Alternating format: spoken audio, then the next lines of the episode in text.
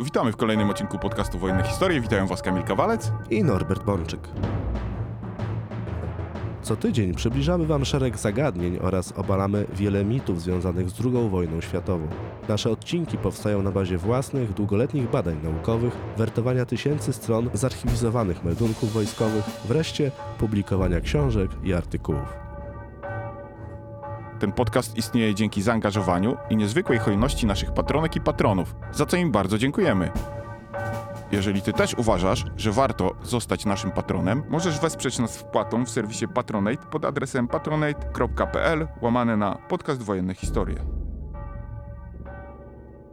Norbert, w odcinkach dotyczących powstania warszawskiego wielokrotnie już rozmawialiśmy o tym, że nie sprawiło ono, że Armia Czerwona zatrzymała się na wiele miesięcy na linii Wisły. Ani tym bardziej nie wpłynęło w żaden istotny sposób na relacje aliantów zachodnich ze Stalinem. Ale w związku z tym mam dziś takie nieco przewrotne pytanie. Co by się stało, gdyby to powstanie nie wybuchło? Jaki los czekał mieszkańców Warszawy i samo miasto w 1944 roku? To jest, Kamilu, z jednej strony pytanie istotne, z drugiej strony dla historyka częściowo trudne, bo jednak historia jest nauką o faktach, o wydarzeniach, które zaistniały i nie jest do końca poważną historia alternatywna. Na pytanie, co by się stało z Warszawą i jej mieszkańcami latem 1944 roku, gdyby po powstanie warszawskie nie wybuchło, nie możemy udzielić jasnej, klarownej odpowiedzi na bazie faktów, bo mówimy o czymś, co nie zaistniało. Ale z drugiej strony dysponujemy szeregiem przesłanek, dysponujemy szeregiem analogii, które jednak pozwalają nam na snucie pewnych przypuszczeń, ale tu musimy być bardzo dokładni. To znaczy, historyk nie powinien sobie pozwolić na puszczanie wodzy fantazji, na zbyt szerokie dywagacje. Niemniej, jeżeli ma pewne informacje wyjściowe, dzielnica Warszawy, Praga, gdzie powstania nie było, tak naprawdę, oczywiście ono 1 sierpnia w kilku miejscach w sposób zupełnie chimeryczny zaistniało, 2-3 sierpnia jeszcze tu i ówdzie pojawiały się ogniska demonstracji zbrojnej, bo to nawet trudno nazwać do końca walką, ale ono było na Pradze jako dzielnicy miasta zupełnie efemeryczne i to jest dzielnica, gdzie można by powiedzieć Warszawa była zapleczem niemieckiego frontu, pobliskiego frontu w okresie powstania warszawskiego, na bazie tej dzielnicy możemy snuć analogię w stosunku do całego miasta. I doświadczenia tej dzielnicy, choć w ograniczonym zakresie, możemy przenosić na całe miasto. Wszystkie procesy, które tam zaistniały od lipca do września 1944 roku, mogły w szerszym wymiarze dotyczyć również całego miasta,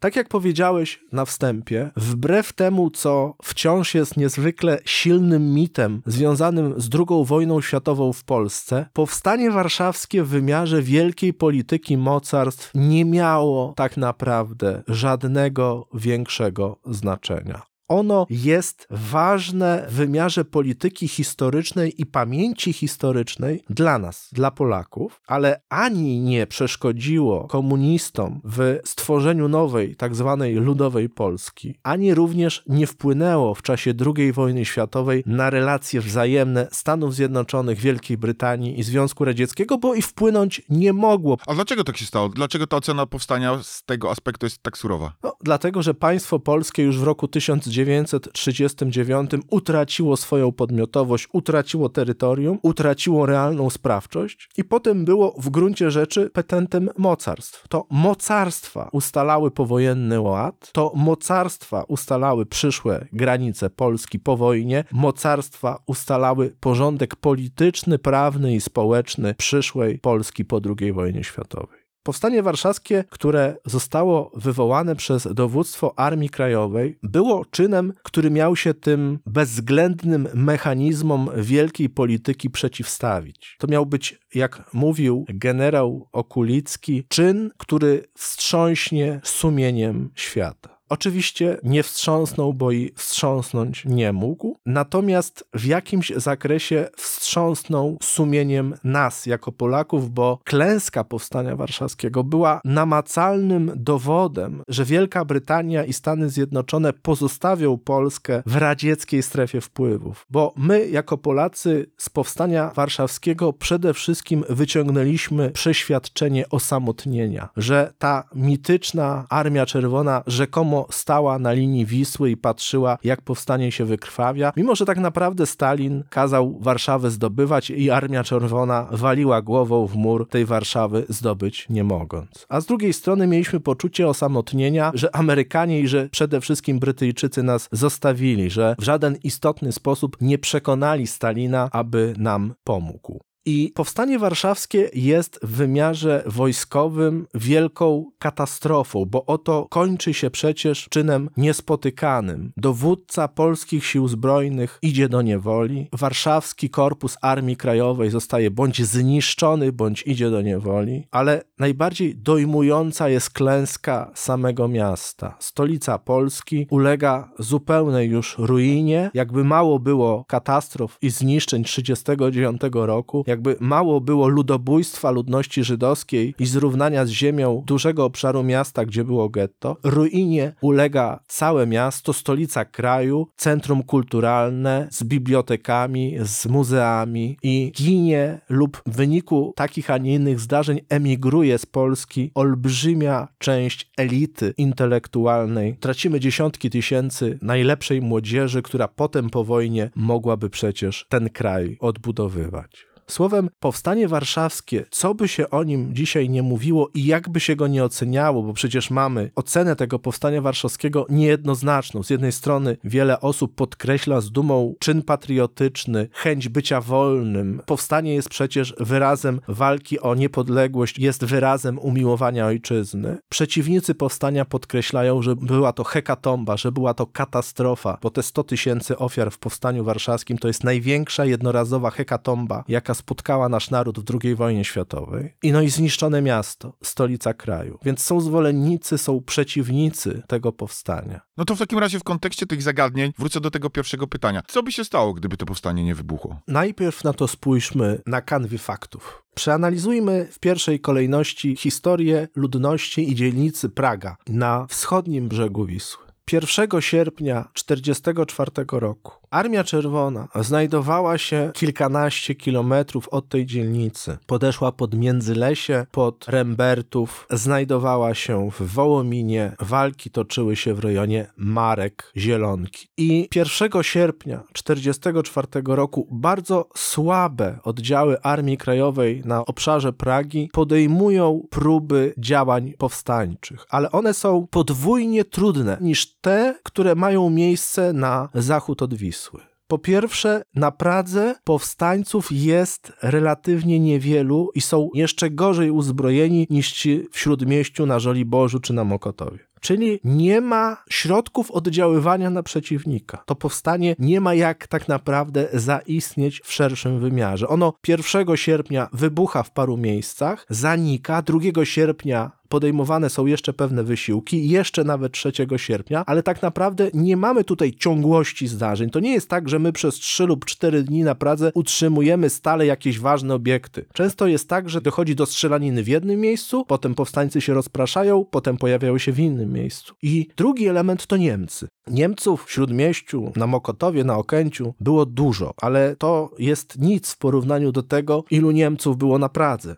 całe zaplecze 39 niemieckiego korpusu pancernego łącznie ze stanowiskiem dowodzenia generała von Zaukena było właśnie tam. Kilkanaście tysięcy Niemców na dzielnicy, niemieckie zgrupowanie broniące się bezpośrednio na wschodnich przedpolach Warszawy liczyło około 30 tysięcy żołnierzy, co powodowało, że zagęszczenie przeciwnika było tak duże, że to powstanie na Pradze nie tylko nie mogło się rozwinąć, ono nie miało żadnych szans powodzenia i bezsens tego powstania był dla dowództwa Armii Krajowej dla miejscowych, lokalnych komandantów oczywisty od samego początku. I powstanie na Pradze inaczej niż na innych obszarach miasta. Ono zanikło i na rozkaz dowództwa lokalnego miejscowe struktury Armii Krajowej ponownie przeszły do konspiracji. Praga w wymiarze niemieckiego systemu dowodzenia nie podlegała tak wyraźnie dowódcom wojsk pacyfikacyjnych jak reszta miasta. Dowództwo regularnych wojsk niemieckich, najpierw 39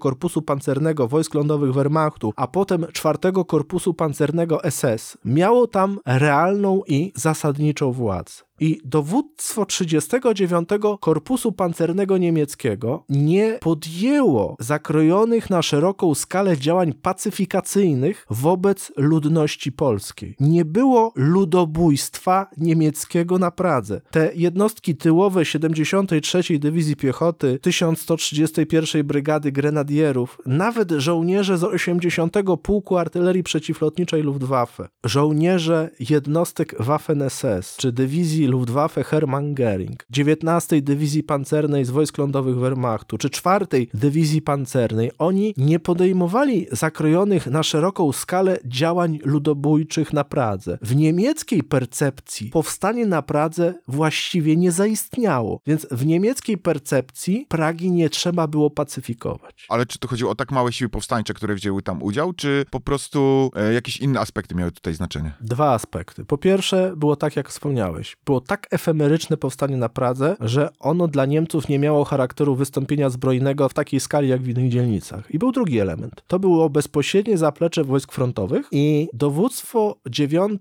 Armii, z racji tego, że nie było realnego wystąpienia na Pradze, nie chciało eskalować kwestii pacyfikacyjnych na dzielnicę położoną na wschód od Wisły. Ponieważ powstanie warszawskie było dla dowództwa niemieckiej 9 Armii Wojsk Lądowych, która zarządzała obroną środkowej Wisły, olbrzymim problemem. Dowódca tej armii, generał von Forman, on chciał zrzucić odpowiedzialność za pacyfikację Warszawy na wojska policyjne, na zgrupowanie podległe Himmlerowi. Musiał jednak wydzielać siły i środki do pacyfikacji miasta efemeryczność powstania na Pradze była w jakimś zakresie wygodnym pretekstem, aby tej dzielnicy nie włączać do tego zgrupowania wojsk pacyfikacyjnych. Wisła była taką umowną granicą pomiędzy tym, czym mieli zajmować się podkomendni Himmlera we współpracy z von Formanem, a tym, co działo się na Pradze, gdzie Wehrmacht i wojska Waffen-SS chciały mieć, mówiąc w cudzysłowie, święty spokój i były bardzo zadowolone, że to powstanie się tam nie rozwinęło. Czyli chodziło o to, że po prostu Niemcy nie mieli tyle sił, żeby się jeszcze angażować w mordowanie ludności. Bardziej zależało im na tym, żeby po prostu te siły zostały wykorzystane na froncie. Tutaj musimy zwrócić uwagę na pewien specyficzny aspekt. Praga to jest, wtedy to była mała dzielnica w stosunku do Śródmieścia na przykład. I Niemcy przede wszystkim chcieli mieć spokój. Oni byli ukontentowani faktem, że to powstanie się tam nie rozwinęło, bo gdyby się rozwinęło, to spacyfikowaliby Pragę dokładnie tak samo. Oni nie byli słabi na Pradze. Tak jak powiedziałem, tam było mnóstwo wojska niemieckiego. Natomiast jak dowódcy niemieccy mieli wybór, zajmować się szeroko miastem, czy się nie zajmować, to jeżeli w tej dzielnicy był spokój, to oni byli bardzo zadowoleni. Przy czym to nie był przejaw ich słabości, bo jak powiedziałem, kilkanaście tysięcy niemieckich żołnierzy tam znajdowało się cały czas przez sześć tygodni powstania warszawskiego. Więcej żołnierzy niemieckich było na Pradze niż pacyfikowało powstanie za Wisłą. Tylko właśnie fakt, że nie było tam dużych, intensywnych walk z Polakami, pozwalał Niemcom skupić się na Armii Czerwonej i dla dowódców frontowych to było ważne, żeby w jakimś zakresie meldować, że na Pradze jest spokój. Nawet jeżeli tu i ówdzie dochodziło do incydentów zbrojnych za K, to i tak wyższe dowództwa niemieckie na tym odcinku wolały zameldować, że jest spokój. Bo z ich punktu widzenia to były epizody pozbawione znaczenia i nie chcieli sobie ściągać na głowę jeszcze konieczności szerszych działań o charakterze pacyfikacyjnym. Czy zatem te wydarzenia z Pragi można by było przełożyć jeden do jednego do, na lewą brzeżną Warszawę? Nie ze względu na skalę, to znaczy dzielnica Praga miała pewną swoją wyjątkową specyfikę. Całe miasto jednak w większym zakresie ogniskowało uwagę najwyższych organów Rzeszy. Coś, co można było w jakimś zakresie ukryć na Pradze, nie dałoby się tego nie zauważyć w wielkim, milionowym mieście jako całości. Ale tu naszym słuchaczom kilka podstawowych faktów, bo nie każdy ma tego świadomość. Pod Pod koniec lipca 1944 roku, kiedy front regularny zbliżał się do Warszawy, Niemcy rozpoczęli ewakuację z całego miasta przemysłu i magazynów. To jest 23 lipca 1944 roku. Ale jednocześnie, gdy 25 lipca generał von Forman objął dowództwo 9 Armii na linii Wisły, poinformował miejscowe władze partyjne i miejskie, że ewakuacja ludności miasta, milionowej Warszawy, nie jest przewidziana. To mówił również dowódca grupy Armii Środek, marszałek polny Walter Model, że Niemcy nie chcą ewakuować miliona ludzi z Warszawy, gdyż nie mają do tego środków, że będą podstawiać wagony kolejowe do ewakuacji przemysłu, do ewakuacji magazynów, ale ludności z miasta wypędzać nie będą. To był pierwszy niemiecki przekaz, ale dwa dni potem, 27 lipca, przyszło rozporządzenie o tym, aby 100 tysięcy młodych ludzi z Warszawy, obu płci, stawiło się w punktach kontrolnych celem budowy umocnień linii obronnych w rejonie Warszawy i na zachód od Warszawy, przede wszystkim na linii Bzury i Pilicy. To zresztą był powód, dla którego pułkownik Chruściel wbrew i bez zgody generała Bora Komorowskiego zarządził pierwsze pogotowie alarmowe Armii Krajowej w Warszawie. Bano się, że to jest początek procesu wysiedleńczego. Ponieważ powstanie wybuchło 1 sierpnia, to ten proces wysiedleńczy w tej pierwotnej formie, w rozumieniu wysłania ludzi do kopania okopów, nie zaistniał. Ale na Pradze, mimo tego, że pod koniec lipca Niemcy zgłaszali informację, że nie są zainteresowani wysiedleniem, przystąpili na Pradze do procesu wysiedlania ludności cywilnej z Warszawy, ponieważ Praga stawała się bezpośrednim obszarem działań bojowych, a procedury zakładały, że cywile w dużych ilościach nie powinni przebywać na obszarze walk, tym bardziej jeżeli byli to cywile niepewni, czyli Polacy na tyłach niemieckiego wojska. I w sierpniu i wrześniu 1944 roku, od połowy sierpnia poczynając, niemieckie władze wojskowe i administracja cywilna dokonały częściowego wysiedlenia pod przymusem polskiej ludności dzielnicy Praga. Częściowej, dlatego że była to operacja prowadzona relatywnie małymi siłami i bez dużego zaangażowania ze strony Niemców, w wyniku czego część ludzi wysiedlono z Pragi, a część, stosując bierny opór, pozostała. To rzecz charakterystyczna. Jednostki liniowe Wehrmachtu, które znajdowały się bezpośrednio na pracy, stacjonowały w kamienicach razem z ludnością polską. Ci żołnierze, mimo że zdawali sobie sprawę, że administracja cywilna nakazała wysiedlić wszystkich Polaków z Pragi, nie brali w tym udziału i w jakimś zakresie tolerowali ludność cywilną. Natomiast jednostki policyjne, jednostki żandarmerii starały się bardzo nieudolnie wysiedlać ludność cywilną z Pragi. Czyli widzimy, że Niemcom zmieniła się optyka pod koniec lipca uważali, że wysiedlenie ludności Warszawy jest niemożliwe do realizacji. Potem jednak zaczęli żądać 100 tysięcy robotników z Warszawy do prac polowych przy fortyfikacjach poza miastem. A koniec końców, kiedy działania regularne objęły wschodnie przedpole Warszawy, kiedy oni też okrzepli w swoim systemie obronnym, to jednak stwierdzili, że ludność wysiedlić trzeba. Ale to sławne żądanie 100 tysięcy pracowników do robót fortyfikacyjnych w Warszawy, zbojkotowane przez mieszkańców Warszawy, przecież nie pociągnęło za sobą żadnych konsekwencji. Bo nie zdążyło. To jest 27 lipca 1944 roku. Obwieszczenia rozplakatowano 28-27 po południu. Była informacja przez megafony. Ludność polska zbojkotowała to zarządzenie, a miejscowe władze niemieckie, żeby nie drażnić Polaków, żeby nie pchnąć ich do powstania, nie podjęły żadnych działań represyjnych. Ale brak represji wynikał pod koniec koniec lipca z pewnego poczucia strachu i to była decyzja władz w Warszawie. To była decyzja pułkownika żandarmerii, dowódcy SS i policji na dystrykt Geibla. To była decyzja gubernatora Fischera, żeby nie drażnić Polaków, żeby nie prowokować ich do powstania. Ale Hitler, Himmler i Koch, Gauleiter Prus Wschodnich, który przejął władzę nad dystryktem warszawskim, oni takich obiekcji, aby dalej naciskać na pobranie robotników, nie mieliby. No to właśnie, co by się z tymi ludźmi stało, gdyby powstanie nie wybuchło 1 sierpnia? W kolejnych dniach Niemcy wzmogliby wysiłki, aby wyegzekwować pobór 100 tysięcy robotników przymusowych do prac polowych.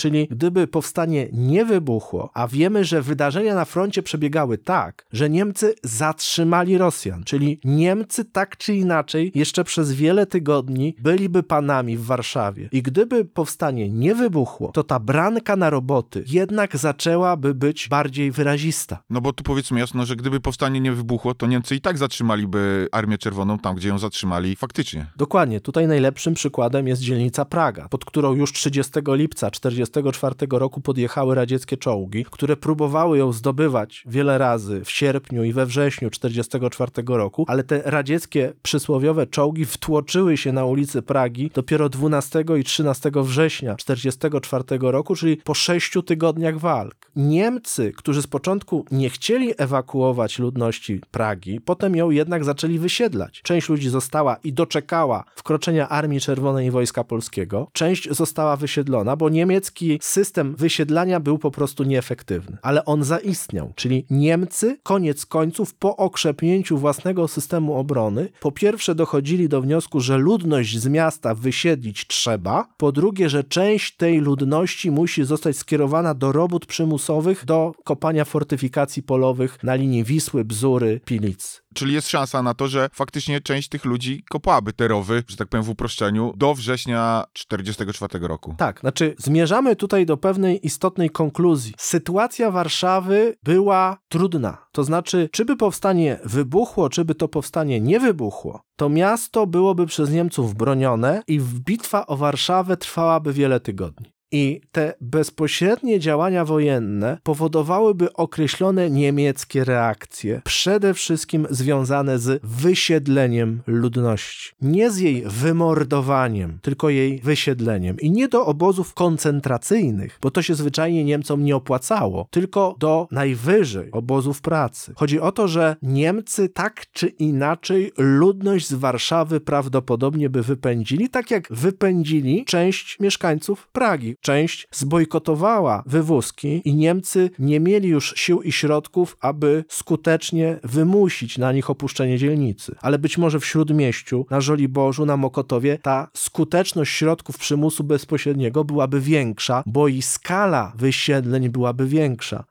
Nie wysiedlano by kilkudziesięciu tysięcy ludzi, tylko kilkaset tysięcy ludzi. Ale znowu spójrzmy na fakty. Przecież na szczęście większość mieszkańców Warszawy to powstanie przeżyła. Łącznie z żołnierzami Armii Krajowej, którzy przed powstaniem byli formalnie cywilnymi mieszkańcami Warszawy, zginęło maksymalnie 100 tysięcy ludzi. Czyli te 800-900 tysięcy innych Polaków to powstanie w ten czy w inny sposób przeżyło. A jak przeżyło? No przede wszystkim przeżyło w ten sposób, że zostali ci ludzie z Warszawy wysiedleni przeszli w dużej mierze przez sławny obóz, tak zwany obóz filtracyjny w Pruszkowie, a potem albo zostali ci ludzie wysłani gdzieś w inne miejscowości generalnego gubernatorstwa, gdzie wegetowali przez kolejne miesiące aż do roku 45, albo zostali wywiezieni na roboty przymusowe, ale tak czy inaczej powstanie warszawskie przeżyli, ponieważ Niemcy zabijali ludność cywilną masowo bez względu na wiek, płeć, tylko w pierwszych dniach powstania. Już 5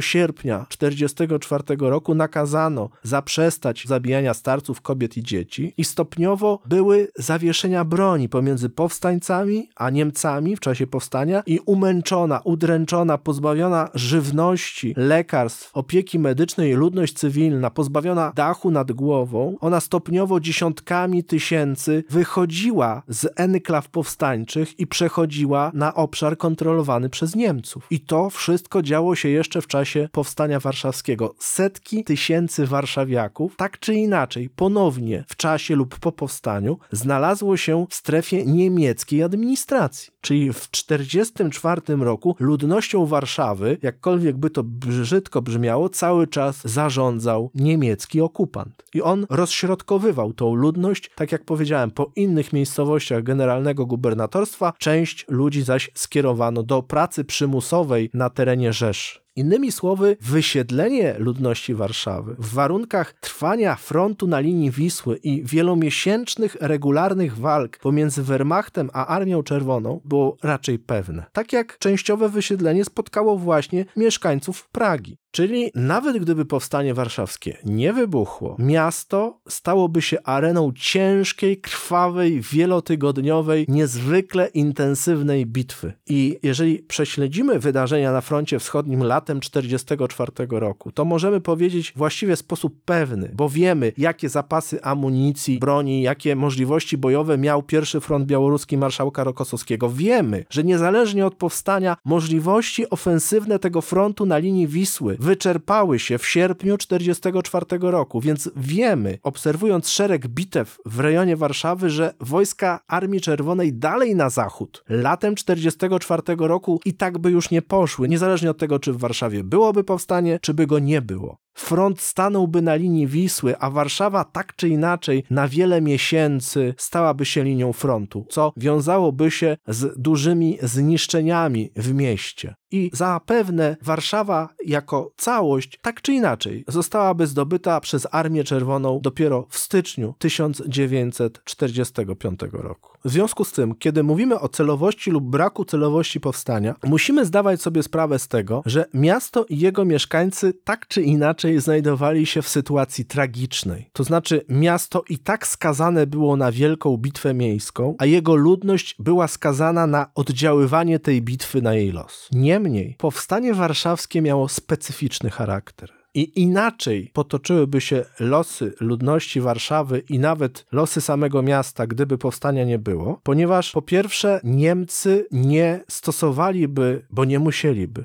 odpowiedzialności zbiorowej i czynów ludobójczych, których dopuścili się na początku sierpnia, nie musieliby tego robić, bo by nie było powstania. Jakby nie było powstania, nie byłoby rozkazów do ludobójstwa. To mam na myśli i Niemcy nie oddziaływaliby też na ludność cywilną swoimi środkami bojowymi, bo przecież te dziesiątki tysięcy ofiar w Warszawie to są naloty niemieckich bombowców, to jest śmierć z głodu, to jest śmierć w wyniku morderstw, których dopuszczały się jednostki okupantów niemieckich w ramach czynów ludobójczych te czynniki by nie zaistniały, czyli skala ofiar byłaby prawdopodobnie nieporównywalnie mniejsza, bo czym innym jest wysiedlenie, i to jeszcze latem, w relatywnie dobrych warunkach pogodowych, bo tutaj tytułem wyjaśnienia, kiedy sami Niemcy zdecydowali wysiedlić własną ludność, na przykład z Wrocławia w 1945 roku, to ci ludzie poszli na żywioł w środku zimy. Zimą ciężej jest przeżyć niż latem. Natomiast czym innym jest proces wysiedlenia, a czym innym jest proces ludobójczy, czyli skala ofiar ofiar w Warszawie, gdyby powstanie nie zaistniało, wydaje się, byłaby o rząd wielkości mniejsza niż miało to miejsce naprawdę. I tu Praga jest dobrym przykładem, ponieważ większość ludności polskiej Pragi przeżyła II wojnę światową i substancja miejska podobnie. Szturm na Pragę, który był relatywnie krótkim zjawiskiem. Tak naprawdę między 10 a 14 września Praga została zdobyta przez wojska Armii Czerwonej, 47. Armię, 8 Korpus Pancerny Gwardii i oddziały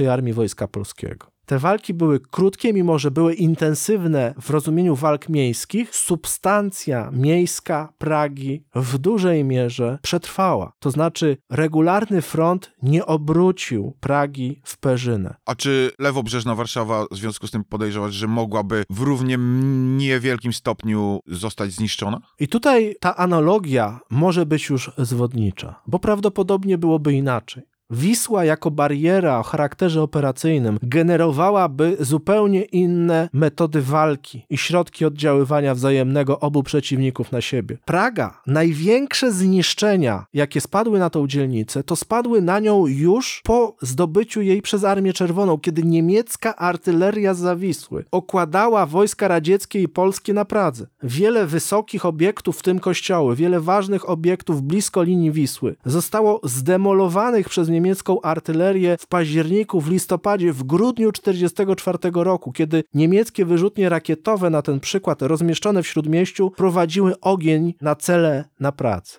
I podobnie artyleria radziecka i polska nie pozostawała dłużna i kładła ogień na Warszawę. Innymi słowy, Wisła jako bariera powodowała, że i tak centralna część miasta zostałaby narażona na poważne zniszczenia. Ale zapewne nie byłyby one aż tak oszałamiające, jak to, co zaistniało naprawdę, bo przecież tak naprawdę Warszawa została zburzona przez Niemców po powstaniu w akcie zemsty. Największe zniszczenia w Warszawie w czasie II wojny światowej to są zniszczenia, które poczynił niemiecki okupant pomiędzy październikiem 44 a styczniem 45 roku. To wtedy specjalne niemieckie komanda techniczne paliły i wysadzały miasto, paliły i wysadzały setki i tysiące budynków, które chociaż już uszkodzone powstaniem warszawskim można było naprawić, bo tak było na Pradze. Na Pradze też olbrzymia liczba kamienic została uszkodzona w czasie walk w 1944 roku, ale one nadawały się do naprawy, bo nikt ich potem celowo nie palił i nie wysadzał w powietrze. Podczas gdy Warszawa lewobrzeżna była cała intensywnie palona i wysadzana w powietrze przez Niemców. Gdyby nie było rozkazu zemsty na mieście, gdyby nie było rozkazu zburzenia Warszawy i zrównania jej z ziemią, te straty, chociaż poważne, byłyby zapewne mniejsze. No i oczywiście, gdyby nie było powstania w Warszawie, to inna byłaby też nasza pamięć historyczna dzisiaj i nasza świadomość tego, czym było polskie państwo podziemne, czym była Armia Krajowa. Dlatego, że wybuch powstania w Warszawie był w dużej mierze ze strony kierownictwa Armii Krajowej aktem desperacji i aktem rozpaczy. Oto bowiem Stalin, którego armie wkraczały na ziemię już rdzennie polskie, mówił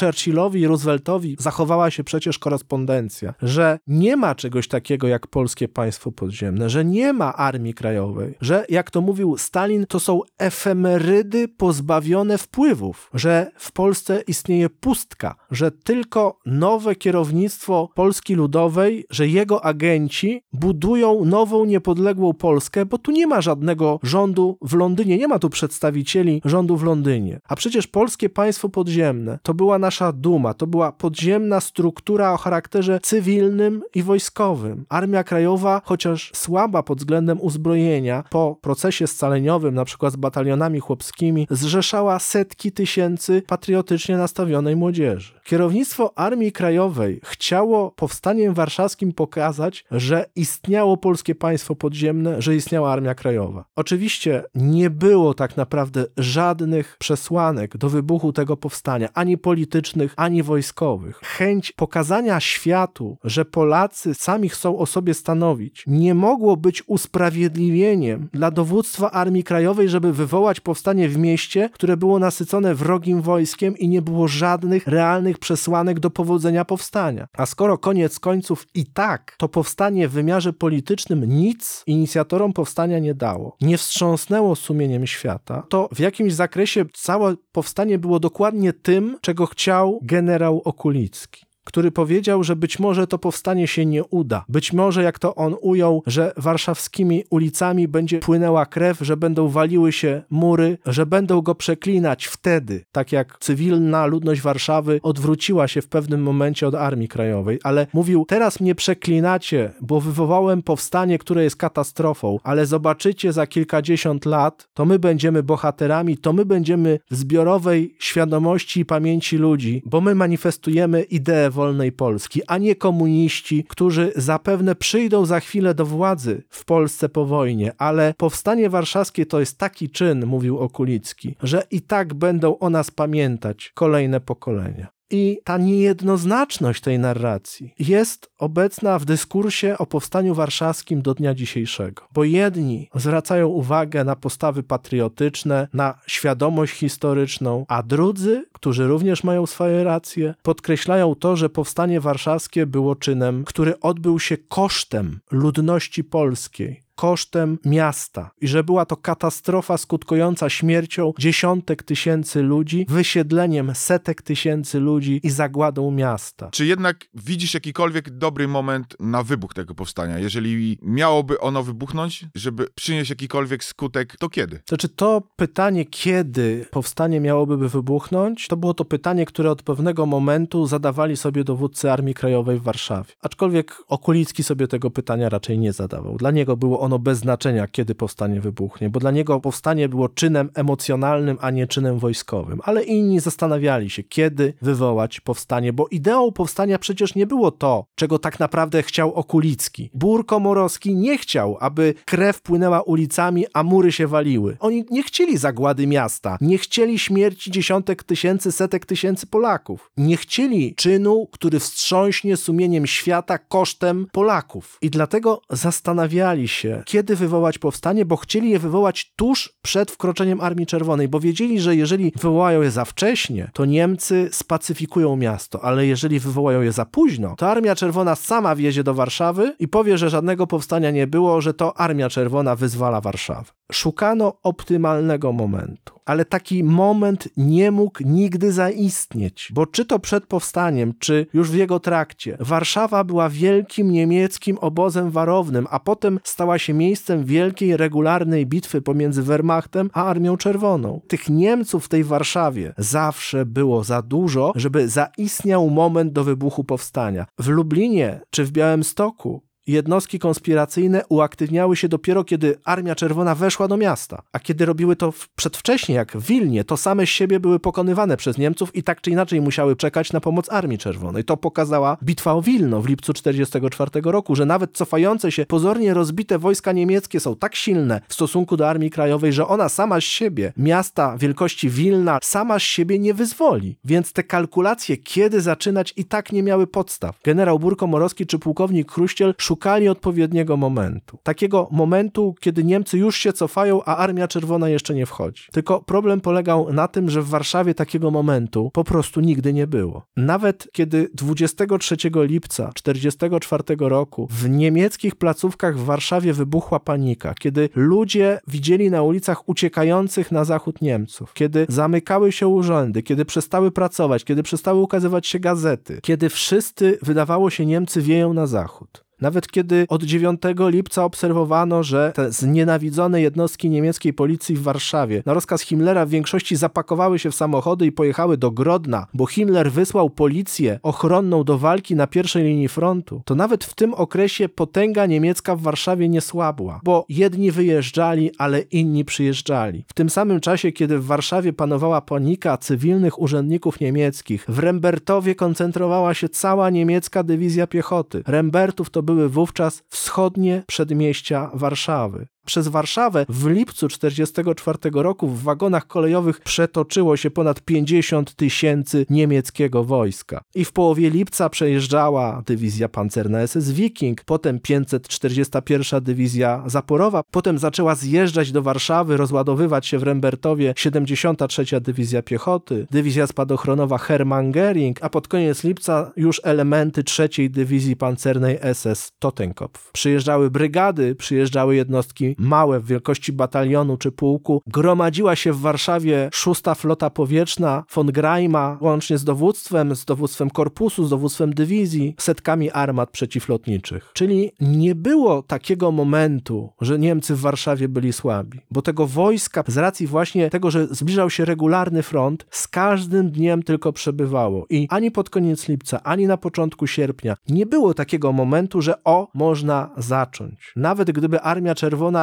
już wtłoczyła się na Pragę, nawet zajęła ją szturmem na początku sierpnia, no przecież jest jeszcze Wisła, są mosty. I my jako Armia Krajowa mielibyśmy zrobić powstanie w warunkach, gdy Niemcy zniszczyliby mosty, a kilkadziesiąt tysięcy ich regularnego wojska stałoby w mieście. My i tak mieliśmy w cudzysłowie szczęście, że zaczęliśmy to powstanie w momencie, kiedy Armia Czerwona jeszcze do Warszawy nie weszła, bo wówczas cała Warszawa byłaby czymś takim, jak 1 sierpnia 1944 1944 roku była właśnie dzielnica Praga, gdzie było już niemieckie wojsko frontowe w tysiącach i wówczas, tak jak dowództwo Armii Krajowej na Pradze, widząc te mrowie Niemców, nakazało ponowne przejście do konspiracji, w tak samej beznadziejnej sytuacji w centrum Warszawy znajdowałby się pułkownik Monter. No właśnie, a propos pułkownika Montera, co w takim razie z tą jego mityczną wyprawą e, rowerem na Pragę i tymi radzieckimi czołgami, które rzekomo widział? Co było jakby, no już bezpośrednim impulsem do wybuchu wybuchu powstania. Pułkownik Chruściel był oficerem nieufnym wobec swoich podwładnych, chciał wszystko kontrolować sam, jeździł na Pragę, obserwował przedpole Pragi, aby wyczekać idealnego momentu do wybuchu powstania. I rzeczywiście 30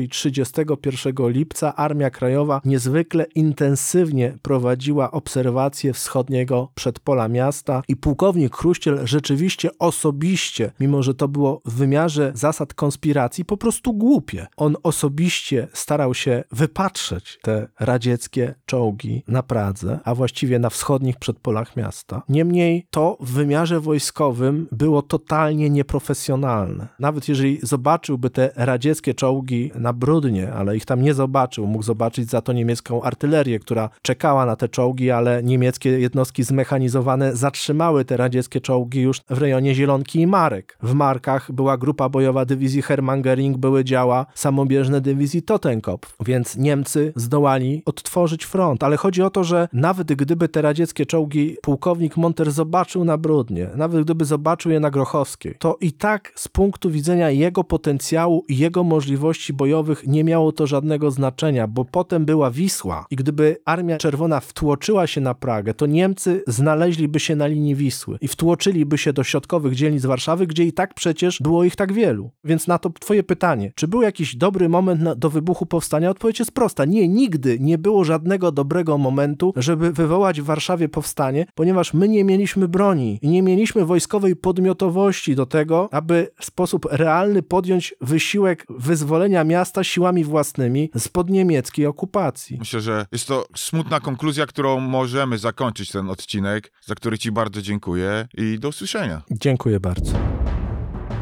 Dziękujemy, że byłeś z nami do końca tego odcinka. Odwiedź nas na Facebooku, Instagramie, Twitterze lub TikToku. Wszędzie tam znajdziesz nas wpisując podcast Wojenne Historie. Do usłyszenia.